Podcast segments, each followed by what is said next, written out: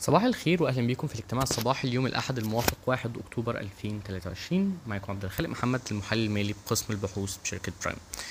في الأخبار المكرو اللي معانا النهارده البنك المركزي المصري والبنك المركزي الإماراتي آه وصلوا اتفاقية تبادل عملة بقيمة 1.4 مليار دولار حيث البنك المركزي المصري هيبقى قادر على أخذ تقريبا ما يقارب 5 مليار دينار إماراتي مقابل 42 مليار جنيه.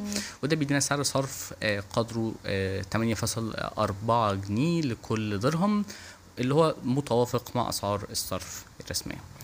البنك الأوروبي للتعمير وإعادة البناء خفض توقعاته لنمو الاقتصاد المصري في 2024 بمقدار 7 من 10 نقطة مئوية لحد 4.5% خلال آخر تقرير ليه.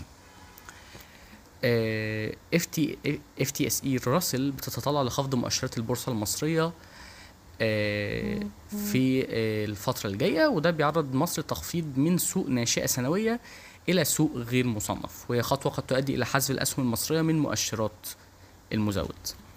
وفي الأخبار وفي الأخبار ال corporate بقى اللي معانا النهارده معانا نتائج Speed Medical الربع الثاني من 2023 حيث إن الشركة حققت صافي خسارة قدره 25 مليون جنيه مقارنة ب 36 مليون العام اللي قبله. وعلى الرغم من التحسن في صافي الخسائر الا إن الإيرادات انخفضت بمقدار 15% على أساس سنوي لحد 14 مليون جنيه. Speed Medical برضو حققت آه صافي مجمل خسارة قدره 6 مليون مقارنة ب 10 مليون العام الماضي. شكرا لاستماعكم الاجتماع الصباحي وصباح الخير.